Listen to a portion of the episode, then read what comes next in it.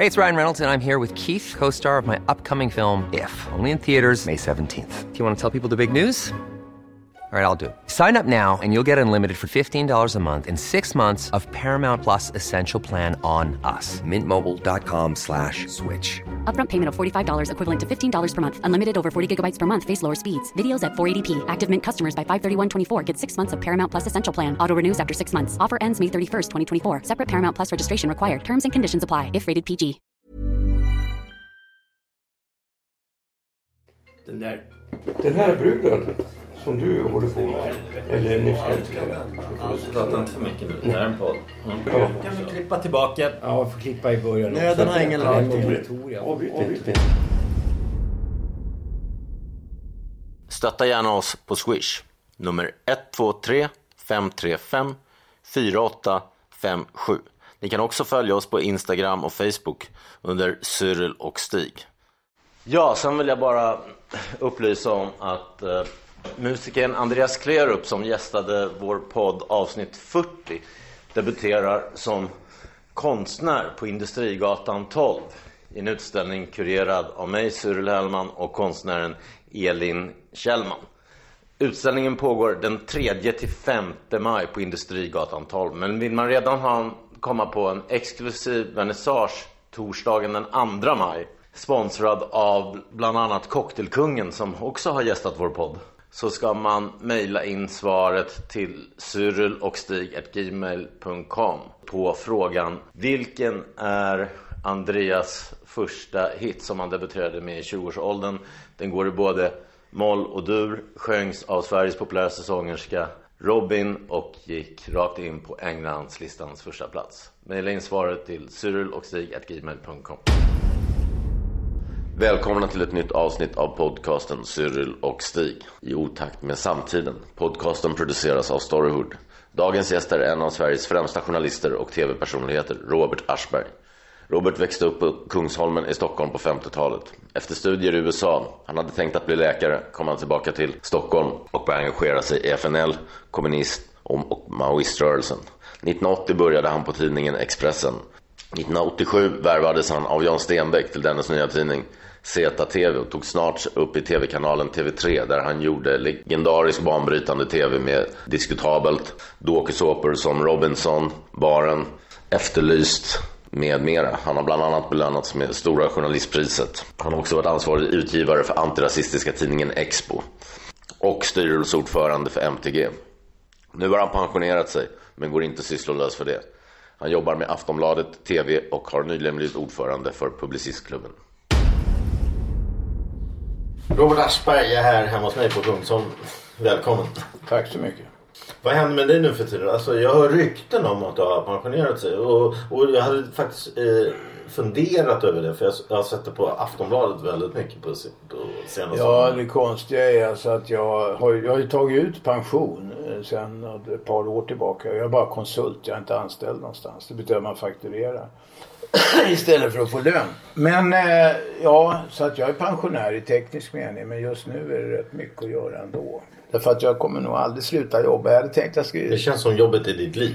Nej, jag har ett annat liv också. Jag gillar att göra saker med med händerna. bilar också? Nej, inte bilar. Det intresserar mig inte. Det är väl såna här... eh, Större maskiner Ja, men ja. också snickeri har jag börjat intressera mig lite för. Snickra. Jag tänkte jag ska snickra lite möbler och såna grejer. Inte avancerat. Man ska känna till sina begränsningar som Clintan sa. Men, men, men lite grann. Men vad då? Vad innebär det då konsult? Att du, alltså, alltså, alltså för, för Nej mig, men jag jobbar och så fakturerar jag istället för att få lön. ja, men för, mig, för mig känns det som att du har haft i alla fall de senaste, eller sen du blev ett känt namn. När vi började titta på Diskutabelt, jag och mina kompisar när vi var i tonåren. Ja. Då, då, innan visste vi inte vem du var som nej. journalist. Men det blev något så här revolutionerande. Till mina, mina polare som inte läser en tidning. De bara, vi måste kolla på Diskutabelt. Ja, var För att bra. stod ni och skrek och svor. Ja, ja. Och, och det revolutionerade tv på, på något sätt. Liksom. Och, och fick alla Ja, i intresserade viss mån gjorde det nog det. Men det var ganska lätt på den tiden att vara ett alternativ också till den traditionella Mm. TVn. Så att, så att eh, vi hade ju hjälp av att det var rätt så högtravande då i, på Sveriges Television och så vidare. Va? Och det var lite akademistiskt. Mm. Alltså jag gjorde ju, drog mitt strå till stacken Ja, i magasinet. Va?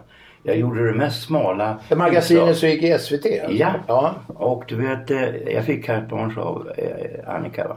ja. Hagström. Och då så gjorde jag, började med en 17 minuter lång intervju med Willy Kyrklund. Om problemet med att överföra grekiska versmått till svenska. Ja, det låter och då blev jag överfallen. av- Ratingmaskin. Ja, men, i- men innan det har jag förstått att då var du vanlig kvällstidningsjournalist ungefär som din bror Rickard Aschberg. Ja, att- jag jobbade sju år på Expressen. Och sen Ja. blev jag värvad och var med och startade en tidning som hette Z. Ja. Som, som eh, inte levde så jävla länge. Eh, Men som sen blev ZTV. Ja, eller ja, bra. varumärket Ja, användes till ZTV. ZTV fick större genomslag. Som var. Stenbeckskoncernen Ja, det var det. Ja. Så, så då genom det kom du in i TV? Nej, nej det, det, jag, hade börjat med TV innan ZTV startade. Eh, För att jag blev övertalad att börja göra de här programmen då, diskutabelt, som var en eh, copy-paste från en amerikansk förlaga som hette The Morton Downey Jr Show. Han var extremt reaktionär och det är jag inte, inte än i alla fall. Och eh, eh, i övrigt så plankade vi hela upplägget. Så, så du var inte den typen av journalist alltså innan? Nej men vad är den typen? Vad fan, man ska ha många strängar på sin lyra. Nej men om man, kommer, om man, om, om man kollar hur, hur jag växte upp. För jag, jag mellan, på 80-talet då var jag mellan 10 och 20 under de Ja, åren. ja. Eh, och, och då, för mig fanns det först bara en stor journalist. Det var Jan Guillou och Mats Ja, ja, det, ja. och Även jag som ville bli journalist redan då studerade honom och han jobbade och så Ja, här. Och så.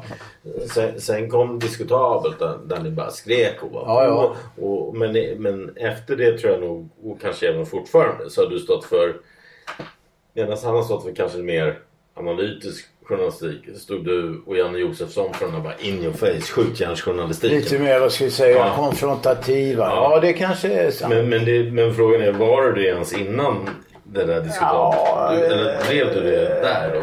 Jag var väl alltså att vara uppfostrad eller ha lärt sig yrke. Jag hade ju haft journalistjobb tidigare men det var ju på Expressen som jag lärde mig. Om vi ska säga någon form av att tänka eh, på något slags tabloidsätt va. Mm. Och där var också rätt fritt eh, på den tiden. Eh, låg man i va, och jag låg i som fan.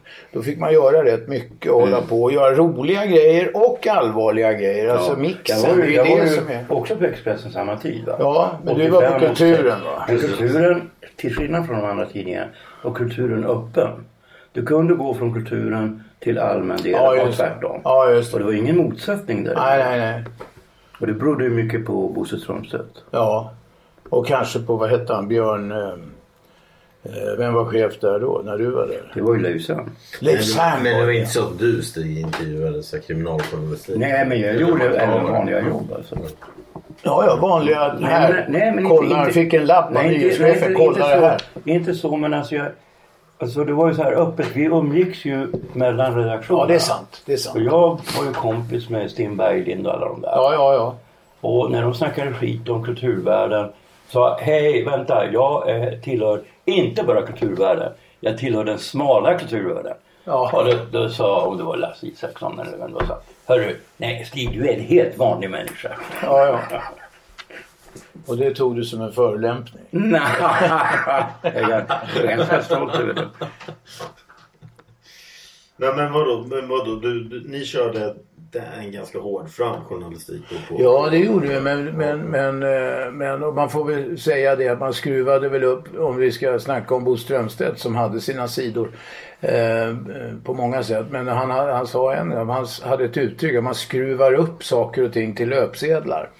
Eh, det var ett bra uttryck tycker jag. Och det var väl det vi gjorde i Diskutabelt. Mm, mm. Alltså hårdrog frågeställningar och, och framförallt var det en, en grej att hitta rätt personer. Va?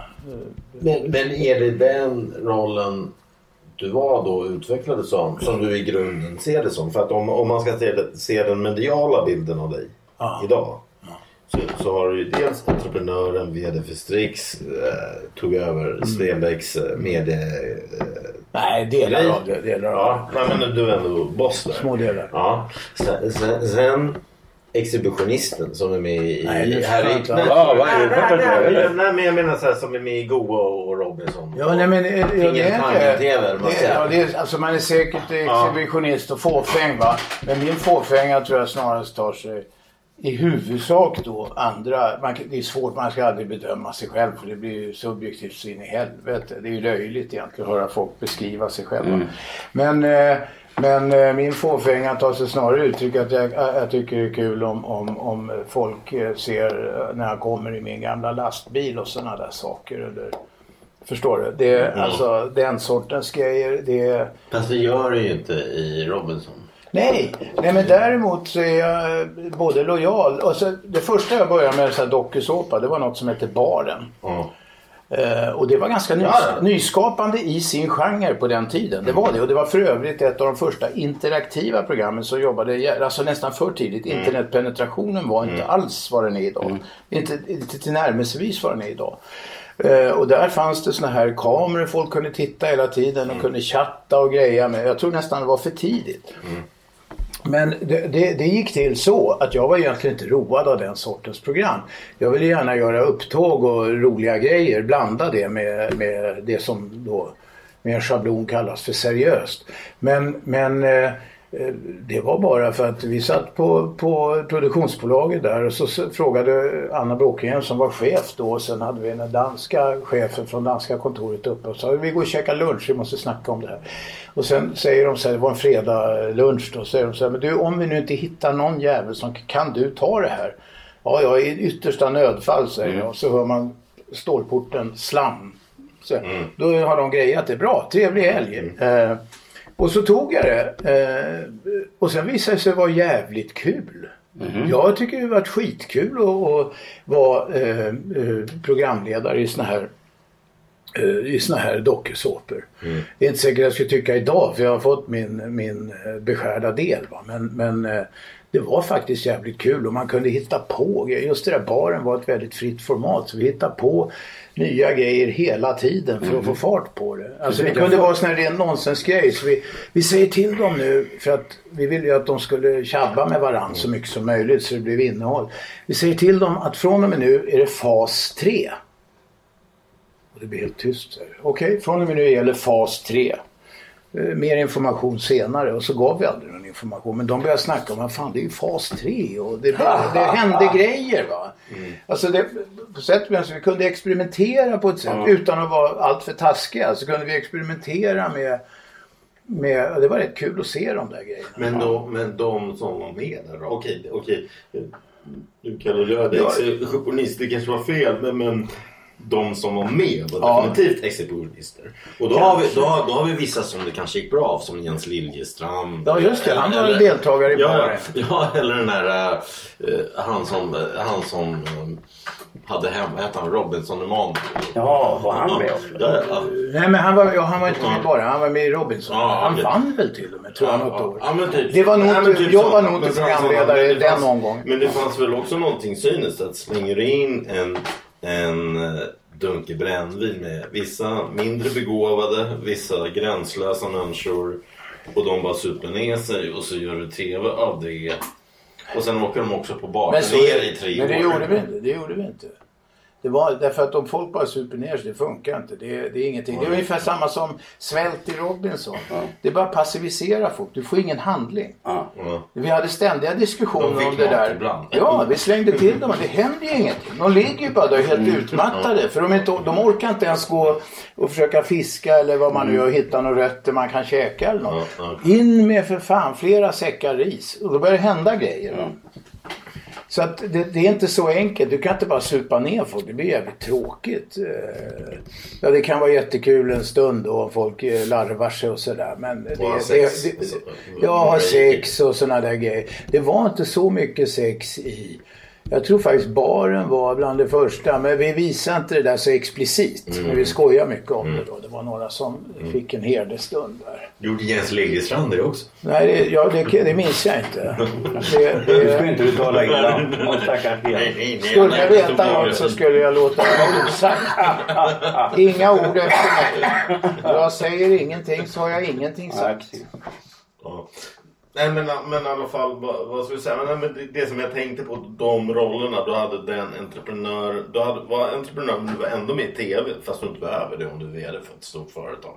Det var det jag menade med exekutionist. Ja, det är klart att jag är exhibitionist i någon mening. Men det får ju andra bedöma på skala 1 till 10 hur mycket exhibitionist Ja men sen tredje rollen i journalistik och det är där det känns som att du går tillbaka till nu. Ja, kanske. Ja. Det, det jag sysslar med nu är i huvudsak traditionell journalistik. Plus att du alla år har hållit på med Xbox.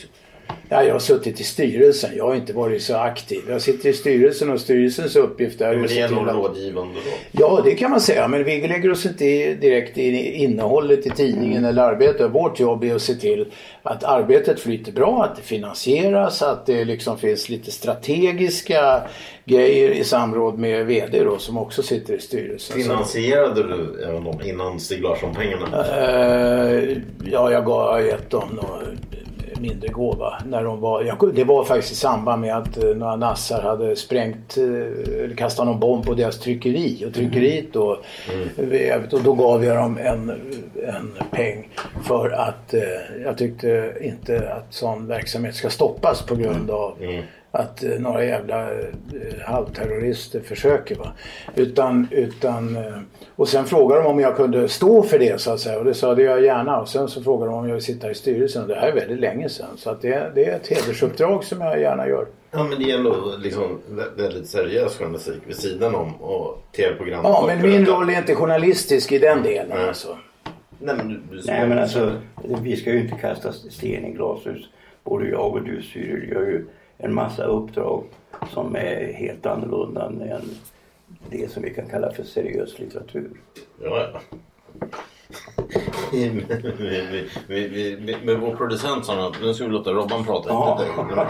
Nej men prata på ni. Det är säkert underhållande för era trogna, för er fem-målgrupp. Men alltså, jag, jag kanske har missuppfattat det men jag hörde någonting om att du skulle bli ordförande i pressklubben. Alltså. Nej, Publicistklubben. Publicistklubben. Och det blev jag i, vad är det för dag idag? Onsdag. Det är också. Det blev jag i förrgår kväll. Blev jag Okej. vald eh, till ordförande i Publicistklubben. Ja. En anrik klubb. Ja, då är det intressant att helt enkelt överföra diskussionen på situationen för publicistik. Ja, den kan man ju snacka om i timmar. Eh, jag- Och jag ska börja med att säga att jag inte är någon expert. Men det har ju skett, eh, omvälvningarna är ju enorma. Senaste decenniet eller decennierna. Alltså att vi går från det som var traditionell publicistik, nämligen i tryckt papper till det som nätet har inneburit i revolution. Va? Och till eh, att eh, varenda människa går omkring och bär på i princip en OB-buss. Alltså och kan sända direkt från jordens alla hörn med sin lilla mobiltelefon. Och, alltså, så det är ju det är ju en verklig revolution som pågår. Eh, och, och sen har vi då inflytandet från eh, de här amerikanska jättarna, Google, Facebook, alla de här som, som snor eh, inkomster från de traditionella medierna eh, i allt högre grad. Och som är, Inflytande. Ja, inte, ja just det, inte bara stålar utan även, utan även eh, en plattform för allsköns konstigheter. Va? Eh, och inte tar något ansvar för det. Alltså, vilket man ändå får säga att traditionella medier har haft ett ansvar för det som har publicerats på olika sätt. Så att det, det, där kan man prata om hur, hur länge som helst. Eh, det är svårt alltså, eh, liksom Överblickar. överblicka. Ja. Och, och vad det kan få för konsekvenser och hur det, ja, vad som kommer hända. Det enda man kan säga med säkerhet är att för tio år sedan hade vi inte kunnat föreställa oss vad som skulle hända idag. Och om fem, tio år kommer vi säga samma sak. Men, men alltså, ja, nu, nu blir det personligt igen. Men, men till exempel, du blev ju väldigt illa behandlad nu när du var på din al- alpinresa. Ja, ja, jag skrev en spalt om en Ja, du, men, du skrev en spalt, men, men du hängde Ja. inte ut. Din, din, Nej, jag hängde inte ut. Din dotter som, som Ja. jag känner då. Hon, hon hängde ut honom. Ja, du hon var så gjorde- förbannad. Ja, och det, och det kan jag förstå. För att Ja, det blir ja, ja. personligt när Ja, man ja, är förälder. Men, men där var du, tycker jag, bättre än de. Alltså om man säger typ Camilla Läckberg är en stor influencer med en halv miljon följare. Okej, okej. Eh, Hon hängde ut någon som hade behandlat henne illa när hon köpte ett smycke på Georg Jensen. Oj då. Och eh, man kan ju räkna med att den här personen då kanske fick sparken dagen efter. Men här, dig. Hade jag varit dig så hade jag, hade jag hade hängt ut personen även i Ja. krönikan. För att, för att betalar man en dyr resa, ett dyrt hotell, då ska man inte bli illa behandlad Nej, för det att man hyser antifascistiska åsikter. Nej, men då kan jag säga att den, det här bolaget som det handlar om det ägs helt av den här killen. Och Jaha. i holdingbolaget, för det är flera dotterbolag, eh, styrelse så sitter den här killens avkomma. Så att, att bara gå på styrelsen och så här, det hade kanske inte varit. Eh, däremot så är det också så. Du hängde men- ändå inte ut dem. Nej, jag gjorde inte det därför att jag menar inte att eh, i huvudsak var det min, min personliga vendetta. Det fanns kanske ett större intresse för det här. Det var väldigt många som mejlade och frågade vilket Vi fattar bolag. inte vad det handlar om. Nej, men det var så att jag var på en skidsemester. Vi var sex stycken. Vi brukar åka eh, när vi kan en gång om året och åka skidor i Alperna. Och det där får man boka jävligt lång tid i förväg och det är ganska dyrt. Men jag tycker det är jävligt kul med utförsåkning. Och Din och Bal hade varit på språkresa där. Tror jag. Det har de säkert. De har varit på språkresa. Det är ett relativt stort bolag. Ja, Och då, då eh, första kvällen, vi har vi kommer fram jättesent till det här hotellet och det är jättetrevligt och fint. Vi får en väldigt sen middag. Och så sitter vi och tar varsin grappa då i baren efter det och funderar på när vi ska gå och lägga oss. Man vill gå upp tidigt och åka skidor. Då är det en kille som jag ser att han spanar in mig så går han rakt på och så börjar han komma med en jävla massa sån här högerextrem Facebook-smörja va. Eh, såna här grejer, massa rykten och skit han har fått. Och går på som fan och går på sällskapet också. 97% av alla moderater vill samarbeta med Sverigedemokraterna men det begriper inte ni. För ni bor på Södermalm allihopa och det äcklar mig. Och de här, det, är jag och min eh, ömma hustru som bor på Södermalm. De andra är helt oskyldiga till detta, till detta brott. Va? De bor i skärgården, två, två av dem bor i skärgården, en bor uppe på en gård i Roslagen. Och eh, eh, två, tre, vad fan bor Jo, en bor i, i Enebyberg. Så att, eh, men det, det spelar ju ingen roll. Den här killen gick ju inte att snacka. Han visste ju allting. Va? Han visste ju hur det var. Han var i sin bubbla. Men det, det märkliga med historien är att en kille som äger reseföretaget och hotellet går rakt på en Han var betalande också någon gäst. form av så här konsul för Sverige. Han är honorärkonsul för ett mellaneuropeiskt land. Där han har stora investeringar i hotell och sånt. Okej. Ja, men, men vad gjorde han då? Då gick han på... Han, är på, han, stod, han såg rätt sjavig ut va. Alltså lite klädd, möjligen hade han sprayat håret och sådär. Vilket jag tycker är misstänkt när killar gör. Eh, och det är inte bara för jag själv är flintskallig. Utan, men, men han lite för trång kavaj, lite så här halvt överklassklädd men sjavigt va. Och knapparna i gylfen var öppna och alltså han var rätt dra, han var rätt packad va. Nej han hade inte en sån här Sven-Bertil-grej eller, eller vad jag menar. Och inte någon sån där eh, näsduk i bröstfickan. Men man känner igen stilen va. Mm. Om man får då, med de fördomar man kanske har så kunde man ändå placera honom på. Eh, Göteborgare. Eh, behöver inte vara en nackdel. Men, men, eh, men och sådär. Och han var på en halvtimme vet du. Och det var så att personalen tyckte det var extremt pinsamt. De försöker komma och liksom, nej, men, Men du, han snälla och säg hans namn ska inte du och så. Det- Han bara det- viftar bort dem. Det, det han höll på med en halvtimme var att du hade haft antirasistiska åsikter. Ja, ja, jag var, jag var full med skit och alla hatar mig och bla bla bla. Jag tror jag var den som var absolut lugnast i sällskapet för det där är ju liksom inga nyheter. Det där kommer med jobbet. Jo, nej, men det är ju så också. Man får Men fick, fick, du, fick ni pengarna tillbaka? Nej, nej, nej, vi funderade på, ska vi byta hotell? Men vem fan hade tjänat på det? hade vi fått, om man hade hittat någon plats, för det är ju rätt fullbokat, så hade vi fått betala dyrt som fan för ett lokalt hotell. Men de där andra pengarna hade vi inte, ja, tjat om att få tillbaka. Jag vet inte. Han försvann sen ur bilden, för han åkte tydligen hem nästa dag. Men personalen på hotellet, de var oerhört vänliga. Eh, nästan till fjäsk i vissa fall för oss. För att de, de tyckte det var fruktansvärt pinsamt. Va? Nu, nu kanske de får sparken för att du säger så. Det kan man väl inte göra för att man säger att de är hyggliga. Men han, han gillade ju inte Ja, han lyssnar inte Men då i så fall säger jag att som journalist måste man vara konsekvensneutral. Ja men det är det jag menar med att men du funderade aldrig på att hänga ut hela bolaget? Bara Nej, krafsa. nej, nej. Dessutom är inte jag ansvarig utgivare på Aftonbladet. Så att, eh, det hade i så fall varit en fråga för dem. Men jag tycker det blev lagom som det var. Eh, Det visar sig att den här killen är en visa i resebranschen och det här är ju sån här som man ser, det här är ett modus operandi. Eh, Det är, det är sällan sånt här händer första gången. Det visar, det- jag fick mail från folk som har jobbat där. Jag fick mail från flera andra konkurrerande resebolag. De hade fått lite problem.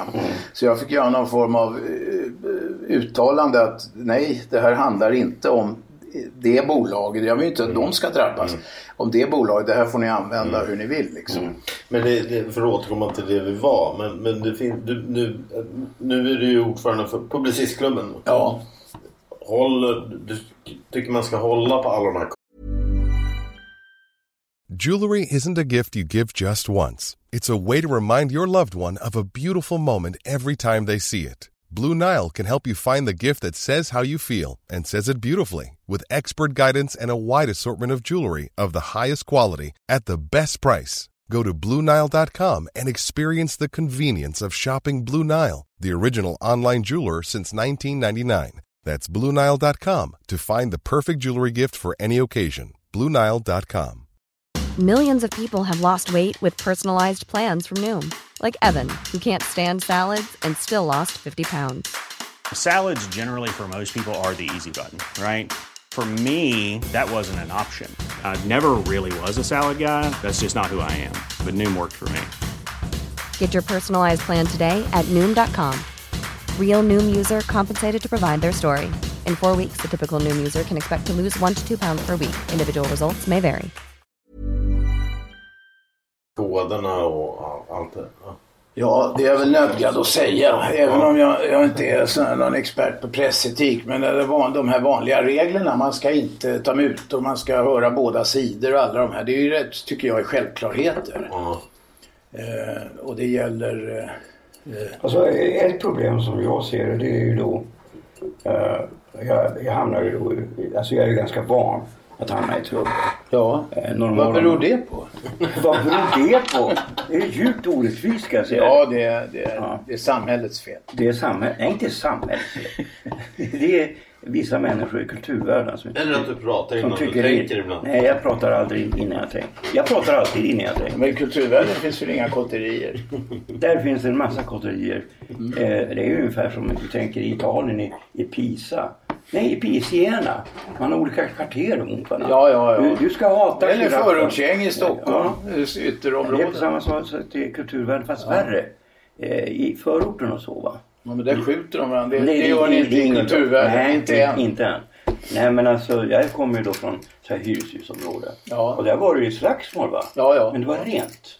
Man sparkade inte på den Ja, det låter som gamla var gamla På min tid Ja, men jag är varandra en gammal. riktig dagsedel. Man sparkar inte på någon. Nej. Så det kanske ligger något i Jo det. men fa- faktiskt Ja, ja. du råkade ut. Jag hade, Men jag sänkt, var- jag hade sänkt honom. Ja, ja. ja. Nej men alltså, nej, men alltså i kulturvärlden där hugger man varandra i ryggen. Tanken flög genom mitt huvud men jag tror det var väldigt bra att det inte blev något sånt. Det är nog väldigt lyckat. Ja, nej, men Förlåt, alltså, man högg, i kulturvärlden hugger man varandra i ryggen. ryggen istället. Ja, ja, ja. Det är så, ja. Och det är det som har varit problemet med och i de här metoo-tiderna va. Mm. Så är det ju faktiskt så att Alltså jag har ju uppträtt, alltså man ska ju inte säga så för det kan ju vara någon som lyssnar och vill hämnas på mig. Mm. Men jag är ju allmänt villebråd va. För de hatar mig, Mm. ganska många. Och då ringer då DN upp mina kompisar, kollar mina gamla flickvänner. Jag har ju inte gjort någonting för Mm. Nej, nej. nej. Jag har ju tvärtom varit alltså, vet, så gentlemannamässig att när jag såg Chevaleresk. Chevaleresk. Att när jag såg en kille tafsa på en tjej på en fest. Ja. Det var inte mina tjejer va. Nej. Killarna gjorde ingenting. Så jag, rör du en tjej till så klipper jag till det. Ja, ja. Och så gjorde jag det. Det är väl rimligt. Men han var ju mycket större. Han Ja, brottade det- ner mig och sa, ger du dig nu? Ja, vad fan ska jag göra? Du är större än mig. Ja, ja, ja. Ja, men där, till den fördelen det här när jag sa med exhibitionist. Du verkar inte ha den här narcissismen som om man jämför med, alltså typ så här, om man ser på din generation. Nu, nu är typ Gio och GV lite äldre än dig. Ja. Men om man ser, alltså, ni tre ses som kanske lite så här Nej, Maestros. inte jämför med olika. Nej, nej, jag men- når men- inte upp till deras eh, höjder. Nej. Nej, nej, nej, nej, de skriver böcker och, och det är Ja, inte du. Men, nej. men de har, men, och, men, men ni ses alla som lite macho. Ja, och, ja. och när någon bråkar med GV eller Jo. Mm. Då, då förlåter inte de det. Då blir det så här vendetter i, i skriveriet. Nej, men de förlåter också på sikt alltså. Jo, jo, men de, de, det har de ska ändå ge det båda har gjort flera gånger vad jag kan minnas. Men jag tror det där Nej, bara- machomyten i den mån den finns som mig. Den har jag levt gott på. Eh, om ni lovar att inte säga det till någon ska jag säga att jag, jag, det börjar rinna tårar på mig om man sitter och ser en dålig tv-serie när stråkarna kommer och så. Mm. Men Jag kan inte rå för det men så är det. Man försöker dölja det en stund men det går inte. Men vad menar, du- vad, vad menar du leva gott på? på det? Ja, I den mån det har varit någon machomyt och så har jag lite konstigt så här, köttigt utseende i ansiktet och så. Då folk tror att jag är arg hela tiden. Men det är ju ett lyte snarare. Va? Nej men jag menar att om någon kritiserar dig, Mm. så går inte du igen på den personen. Men det beror- Jag- på jag- vem jag, det är. Jag, jag kan ta ett exempel. Som, Ja, ja. som Leo som, som, som jag gjorde boken med. Eh, Ja, ja, ja. Från Katarina Mm. med spel till spel. När han skrev en insändare och skrev till GV att det är jag som är gatans professor, du kan ingenting om det här. Mm. Ja, ja. Typ. Då gör GV nästa, i nästa program den där GV, den där den, den där Leo kommer aldrig bäst, bättra sig. Släpper man ut honom så är han Ja, kriminell. Trots att han har fått eh, undersökningar på fängelset att nu är han helt rehabiliterad. Ja, ja. Han har inget narcissistiskt. Han är rehabiliterad. Men då måste man ge igen hela tiden. Och, och jag kan se samma sak på, på GO och GV, eller på, på de två. Att de ger huggskott tillbaka om någon jävlas med dem hela tiden. Ja, men det, det är nej, jag, jag, kan, jag kan släppa. Alltså, ibland tänker man jag har inte min tid till det priset. Man ska, alltså alla, eh, vad heter det, ibland, eh, man ska välja sina krig. Va? Det, beror- alltså, om jag får kritik så respekterar jag, de jag respekterar då tror jag fan det är bäst att lyssna eller försöka i den, lära av det eller argumentera emot. Är det idioter, i mina ögon idioter, då skiter jag i det. Därför, alltså det var när vi, när vi startade programmet Trolljägarna så var det en i din kulturvärld. Men jag eller ju också er- drev och... Nej, emot ja, dig. nej, nej, Och ja, ja, jo men det, ja, men det visste, det visste jag. Det var inget, det var ju bara en tidsfråga. Men, men då var det någon eh, sån här kulturknutte som skrev någon stor historia om att det här var så hemskt och det, det var liksom arbetarklassens frustration eh, eh, som kom till uttryck i det här näthatet på något jävla... Jag tänker säga svar, det här är bara trams.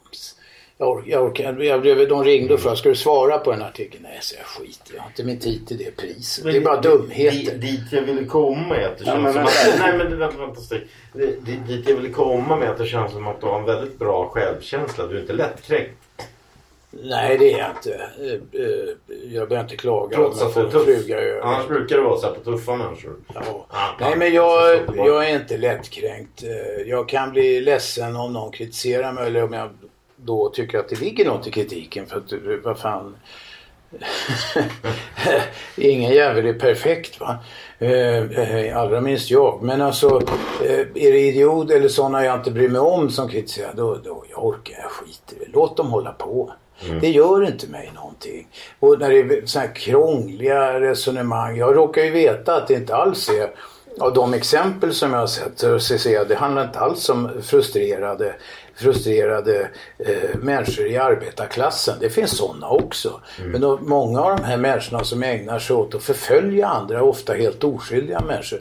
Det är totala losers som säkert är frustrerade men avståndet, alltså i, i, IRL som det heter, skulle de aldrig våga vara så kaxiga mot någon. Eller vara så jävla oförskämda eller till och med kriminella genom att hota och sådär.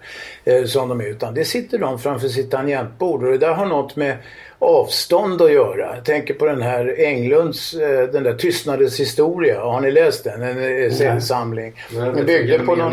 Ja, den byggde på... Den byggde på eh, en artikelserie han gjorde i Expressen som han eh, utvidgade då. Gav ut en fin liten bok som är Tystnadens historia och andra. Han skrev om Gemets historia. Han skrev var jävligt, så här, lite folkbildande essäer.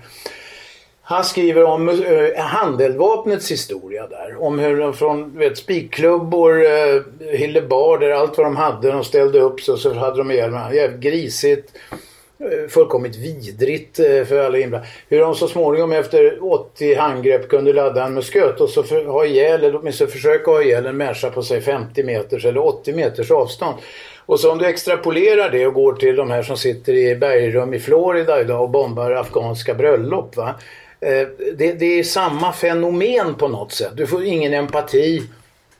Nu finns det historiska exempel på att man kan ändå handgripligt slakta folk från tredje rikets tid och så ändå gå hem och odla rosor och gulla med barnbarn. Men här blir det ännu lättare på grund av avståndet. Och det är avståndet framför, när man sitter framför skärmen, tangentbordet eh, i ett mörkt rum. Och då blir, alltså, det gör att man, ingen empati, ingen kontakt med den man går på. Det är ofta helt okända människor. Men tillbaka till resonemanget där om arbetarklassen. Det är alla möjliga människor som håller på med sånt här. Och de flesta gör det ju dessbättre inte. Men det är, det, är, det är svårt att kategorisera dem. Det är väldigt mycket högerextremister och det finns trollfabriker och de sätter igång drev och så här. Det har FOI undersökt och gick igenom 6 miljoner kommentarer på högerextrema sidor och visat att det var något 30-tal eh, människor som har initierat en mycket stor del av alla de här eh, kommentarerna och dreven. Jag fick ju 3000 på, på en krönika jag Ja, gjorde och ja. spårade det för många var hot. Ja, ja. Då var det sex stycken. Ja, jag vet. Det, de, de, ja, jag vet. Det är organiserade drev. Eh, det finns till och med uppgifter om att hela det här toaletten Flashback styrs. Alltså de placerar moderatorer och sådär. Eh, JMG, alltså Journalistskolan i Göteborg, har gjort liknande undersökningar och FOI gjorde då en också åt eh, SKL, Sveriges kommuner och landsting. Det visar att 20 procent av kommunstyrelseordförande undviker att ta upp vissa förslag eller driva vissa frågor för de är rädda för skitstormar. Och när man kan konstatera det, Journalistförbundet har också gjort en sån undersökning som visar att tyvärr många journalister viker sig därför att de orkar inte med konsekvenserna. Då är det här, den delen av eh, eh vad heter det, fenomen, alltså det fenomenet på nätet, så då är det de facto, ett de facto hot mot demokratin anser jag. Mm. Men där, där ger du ju då tillbaka istället för att skriva en krönika. Nu håller du på med trolljägare. Ja, och där, vänta, vänta, vänta, bara. och, och där är det ju inte bara hö- högerextremism utan Nej, inte när, alls, När, inte alls. du, när du spårade på metoo så var det ju kvinnor på universitetet, akademiker, Ja, alla möjliga. ja, ja, visst. Det var inte just i Trolljägarna vi gjorde det, men vi gjorde ett sånt här 200 sekunder, alltså ett program som gjorde. Eller jag och två fruktansvärt duktiga tjejer som gör det tyngsta jobbet. Eh, Kristina Edblom och Linda Molin, de är fantastiska att jobba med. Vi har så jävla kul också. Men, men eh, eh, vad fan sa vi? Jo, eh, det var ju 200 sekunder då, ett litet format som, som vi har åt Aftonbladet och via Fri. Eh, där gjorde vi det och tittade lite grann på de här så kallat hemliga Facebookgrupperna där fina eh, mediemänniskor och teatermänniskor och så här far iväg och bär sig åt som värsta jävla såna här högerextremistiska busar, drar snabba slutsatser och kallar, för, kallar utpekade män för svin och så här. I, I det fall vi tog upp så gällde det en påstådd våldtäkt som skulle ha skett för 25 år sedan där det är extremt delade meningar om vad som hände så att jag ringde bara upp några av de här eh, mer framträdande vid den här, de här Facebookgrupperna då. Eh, eh, och frågade, kan du berätta för mig vad som hände den där natten för 25 år sedan? Nej, ingen aning, säger jag. Ja, men du har ju skrivit så här och så här. Ja, det var, jag trodde det var en hemlig grupp och så här. Det betyder att man kan uppträda på olika sätt. Ja, det är helt är Eh, det här var folk som jobbar på Sveriges Radio. Det var folk på stora tidningar, på universitet och så vidare. Va? Alltså, det- Snacka om hyckleri. Ja, nej, men alltså. Jag, jag, jag, vet, jag är så konservativ. Jag är ju vänster och konservativ. Ja, det är kanske en bra Och kombination. jag är ju var emot internet när det kom. Ja, men det tror jag. Det, det, det kommer du, är ju Don Quijote. Ja, du är jag Sancho. Panza. Men jag håller jag på att lära mig internet nu. Ja, För jag har inte vågat innan. nej, nej. Förstår du? För jag är så rädd för förändring. Och, och du väntar för länge så kommer AI och tar det. Nej, det, alltså jag upplever det här. Jag tyckte livet, vet, mellan, jag är född 55. Och man kan säga att jag minns saker och ting från 58, 59 någon gång va. Och då hände det inte så jäkla mycket annat än TVn kom. Och jag var så liten när TVn kom. Så att, att jag minns inte så mycket hur tid, tiden var innan. Men mellan TVn kom och 1990. Så det som hände det var ju att färg-TVn kom. Men det gjorde ju inte så jäkla mycket med ens psyke. Nej, nej, nej. Och sen kom automatisk telefonsvarare. Det Ja. påverkade min vardag lite grann. Det måste jag säga. Mm. Sen var det ju lättare att resa. Men det märkte inte jag så mycket av. För jag var tillhör den första generationen som kunde åka på internet. Alltså 71. Interrail menar Inte du? interrail. Interrail.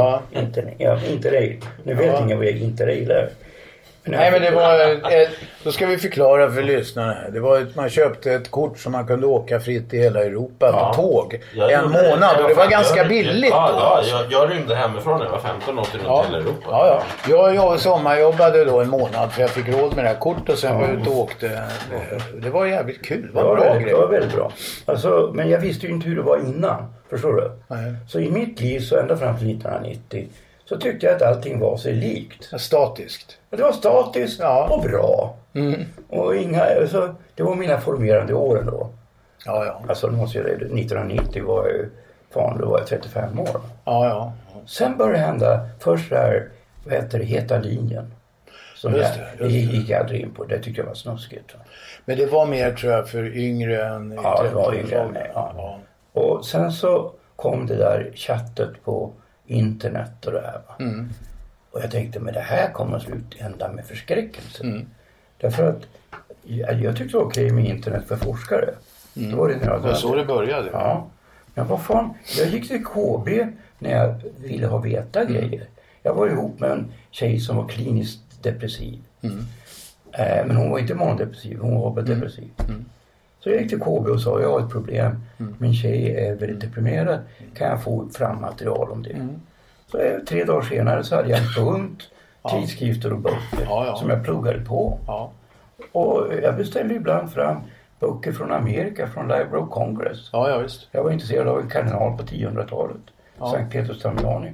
Det tog en månad men jag fick boken. Ja, nu idag så gör du det där med några knapptryckningar. Ja, du men slipper de där tre dagarna. Men alltså varför ska jag slippa tre dagar? Jag har väl inte bråttom heller? Nej, men eh, jag har det. Så jag gillar ju det där. Ja, men det fattar jag. Ja, samma Men alltså här. eftersom jag först nu eh, har jag behov av internet. Ja. Men, Men du vet, jag säger så att jag ska skriva en text. Och så ska jag kolla upp ett årtal. Förut fick man gå då till, man hade en encyklopedi hemma och börja rota i den och så. här. Det kan ta eh, fem minuter, det kan ta tio minuter innan du hittar rätt. Och så. här. Det är bara tjoff, slår det så här pang pang. Det är det och så får du kolla, man måste ju vara väldigt källkritisk. Men du, kollar, du vet ju vilka källor som är pålitliga och vilka inte. Och så får du ditt jävla årtal. Eh, och det, det, det effektiviserar ju eh, extremt mycket och gör livet eh, och tillvaron lite lättare. Men tycker sen, jag. är, sen är jag rädd. Jag känner en kille eh, som är försäljningschef för norra Europa plus Ukraina för världens tredje största datasäkerhetsföretag. Ja. Han sa det, nej Stig du är nog ganska klok. Du har många fiender. Vem som helst kan gå in i din dator. Mm. ja, så är det. Och de kan stoppa in grejer som du aldrig upptäcker. Nej, det är Och sen sant. så blir du åtalad. Så kan det vara. Mm. Det har säkert, eh, säkert har folk satt dit så på ena eller andra sättet genom att någon jävel har slängt in grejer i deras datorer och angivit dem. Jag tror inte det är så vanligt i Sverige. Jag hoppas inte det. Det tror jag inte. Men, men eh, i andra länder är det säkert ett enkelt sätt att sätta dit folk. Menar, I Ryssland sätter de ju dit politiska motståndare. Det är alltid skattebrott och det kan de få till på ena eller andra sättet. Va? Eh, men alla såna här eh, diktaturer eller extremt auktoritära samhällen och så, de har sina olika knep och försöka hålla folk i schack. Va? Eh, Och det där skulle ju mycket väl kunna vara ett effektivt och väldigt billigt sånt. Du behöver ju inte plantera grejer fysiskt hemma hos folk eller i deras fickor. Så utan Du kan ju bara låta någon sån där dataungdom som du har på din sida eh, leverera det där. Eh, samtidigt är det ju så att jag, hade jag något väldigt känsligt material, en källa som måste skyddas eller något sånt där, då skulle jag överhuvudtaget inte lägga in det i, i burken. Nej. Men- Eller mejla om det. Nej, men jag har nu jag har, en dator som jag inte kan koppla till internet. Ja, ja, där kan du ju... Ja, men, men vart vill vi komma här då? Nej, men alltså risken med, risken med internet. Jo, alltså det som har hänt nu under den här senaste metoo-tiden där fler och fler människor dras upp, 20 år gamla, eh, 25 år gamla. Eh, har kvinnorörelsen gått, som jag upplever det, eh, gått, eh, gått bananas? Nej, det, det, tror jag inte att den har. Jag tror att det är delar av den. Men det finns en... Alltså jag tycker att det där var en jävla bra grej generellt. Men som i alla sådana här revolutioner så, så äter den sina barn. Mm. Eh, eller vissa barn i alla fall. Och de blir blodiga på ett sätt som det kanske inte hade behövt bli. Eh, det, alltså det beror ju på ett tryck. Det är ju faktiskt så att kvinnor har ju eh, inte tagits på allvar när de har kommit med den här sortens eh, anklagelser. Och det är ju en bakgrund till att det här plötsligt så smällde korken iväg och det bara bubblade ut. Va? Det blev liksom okontrollerat. Det som nu, jag tycker, i, i med eftertankens kranka blekhet där, det är ju det att vissa av de här yttringarna eh, förminskar ju kvinnor så till den milda grad. Nämligen att den här historien om, eller tänkesättet att en kvinna äger sin egen berättelse och så här. Ungefär som att en kvinnas utsaga skulle aldrig få ifrågasättas bara för att hon är kvinna. Det tycker jag är förminskande eh, som fan mot kvinnor. Det är att betrakta dem som lägre stående. Med det sagt så kan jag säga att i samband med den här rörelsen så frågar jag kvinnor i min närhet som jag både, eh, alltså i min släkt och bekanta och säger men det här är väl inget nytt för fan man kan ju inte gå på ett ställe utan folk nyper en i arslet eller börjar kladda och sådär. Och jag blev förvånad ja, att det, det var så mycket. Eh, ja, där, där borde man, det borde man ha fattat tidigare. Men nu är det ju så att snuskhumrar som håller på på det där sättet. De döljer det. Det är svårt att se kanske på en ja. Men jag så reagerar, men fan en örfil då? Ja, ja. Pang! Ja. Och, så, och ställa till, men nej man vill inte ställa till en scen och det är sådär va. Och det beror ju på att det är ingrodda, det är ingrott. Alltså det har ju varit så jämt så att ja. säga. Och då förstår jag att det är svårt för en enskild kvinna i en viss situation, med en massa social konvenans och skit mm. va. Att, att ge en sån förövare en örfil, det, det har jag full förståelse för. Ja men sen, sen kan det ju bli liksom som en skådis jag vill jobba med i pjäsen, där gick det drev då, då han, han, han, den här personen är 30 plus. Han har tagit en tjej på, på låret när han var 20. Mm. Eh, och, och sen har då tjejen sagt det här är inte okej. Han har misstolkat situationen och då har han genast bett om ursäkt. Ja, ja. Men, men det på de här slutna forumen som du pratade om som ni bland mm. annat hade kollat. Mm. Det gås emot honom nu. Ja, ja. Jo, jo, men jag säger att det är många det är som åker med. med. Sen kan jag förstå Stig med det här med internet att, det har blivit helt att vem som helst kan hänga. Jo, men det betyder ju också det. Jag gick tillbaka till den här tomten som skrev att, att Trolljägarna var ett eh, hemskt program för att det riktar sig mot den frustrerade arbetarklassen och så. Mm. Då ser du, det är inte det det handlar om. Det är inte de som det är ju inte så att det är eh, arbetarklassen som ägnar sig generellt åt, åt näthat eller hot. Och. Det där finns, det har med individer att göra. Det förekommer precis överallt.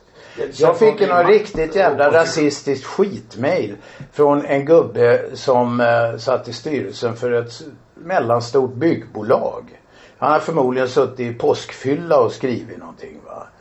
Men jag tyckte synd om fanskapet så jag mejlade till alla i hans styrelse och sa att den här människan eh, är knuten till er. Jag tror eh, han behöver stöd och hjälp. Mm. Och det fick han för han blev sparkad direkt ur styrelsen. han, han har mejlat mig sen någon gång senare och tyckte att jag är ett infernaliskt svin och så vidare. Det orkar jag inte svara på. Han fick kanske en tankeställare. Men man kan ju agera på olika sätt. Och det säger jag orkar vanligtvis inte bara sån här skit man får eh, eh, via mail och så. Jag orkar inte bry mig. Nej, men jag fick ju på 90-talet va, då eh, fick jag eh, efter det här uttalandet av 13-åringar va. Mm. Så fick jag hot från nazisterna. Mm. Och de går ju ibland från ord till handling. Mm. De här skickade i min brevlåda eh, värderade kuvert med avföring ja, ja. och blod. Ja. Nu ska du veta att alla som, bara, bara, alla som uppger sig vara eh, det är inte alltid den gruppen som är avsändare. Som, jag vill inte ta dem i försvar på något sätt. Men det är väldigt många som eh, tycker de är kaxiga genom att kalla sig det ena ja, eller andra. Men det är inget kul att få skit i brevlådan. Nej, nej. Men, alltså, nej men alltså jag vågar inte ha min katt hemma. Jag har ju katt. Och han fick ju bo hos min kattvakt i två månader. Ja. Jag tänkte kasta en, en brandbomb. Ja. Så om jag hoppade tre våningar, jag överlever, jag bryter ju benen men mm. jag överlever. Uh, tror jag. Men du, du, när du gör det här med Trollgängarna nu till exempel. Du får ju hot och sånt på dig. Är du inte rädd för det då? Nej, men jag, eh, nej, jag är inte så rädd.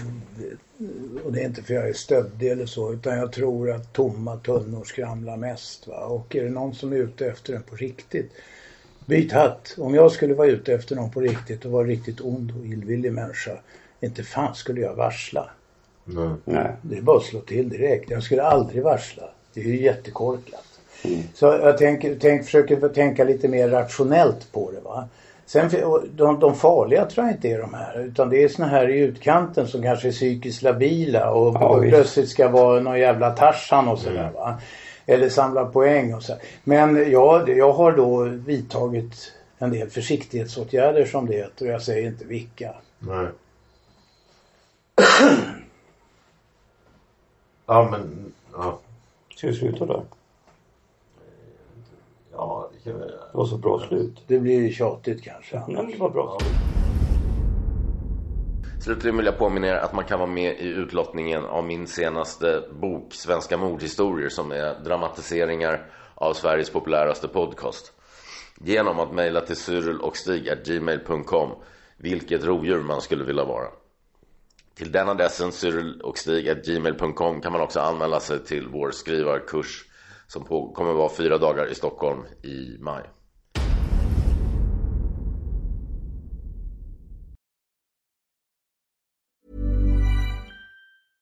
Even when we're on a budget, we still deserve nice things. Quince is a place to scoop up stunning high-end goods for 50 to 80% less than similar brands. They have buttery soft cashmere sweaters starting at $50, luxurious Italian leather bags, and so much more. Plus, Quince only works with factories that use safe, ethical, and responsible manufacturing. Get the high-end goods you'll love without the high price tag with Quince. Go to quince.com slash style for free shipping and 365-day returns. Hey, it's Paige DeSorbo from Giggly Squad. High quality fashion without the price tag. Say hello to Quince. I'm snagging high-end essentials like cozy cashmere sweaters, sleek leather jackets, fine jewelry, and so much more. With Quince being 50 to 80% less than similar brands. And they partner with factories that prioritize safe, ethical, and responsible manufacturing. I love that. Luxury quality within reach. Go to quince.com slash style to get free shipping and 365 day returns on your next order. Quince.com slash style.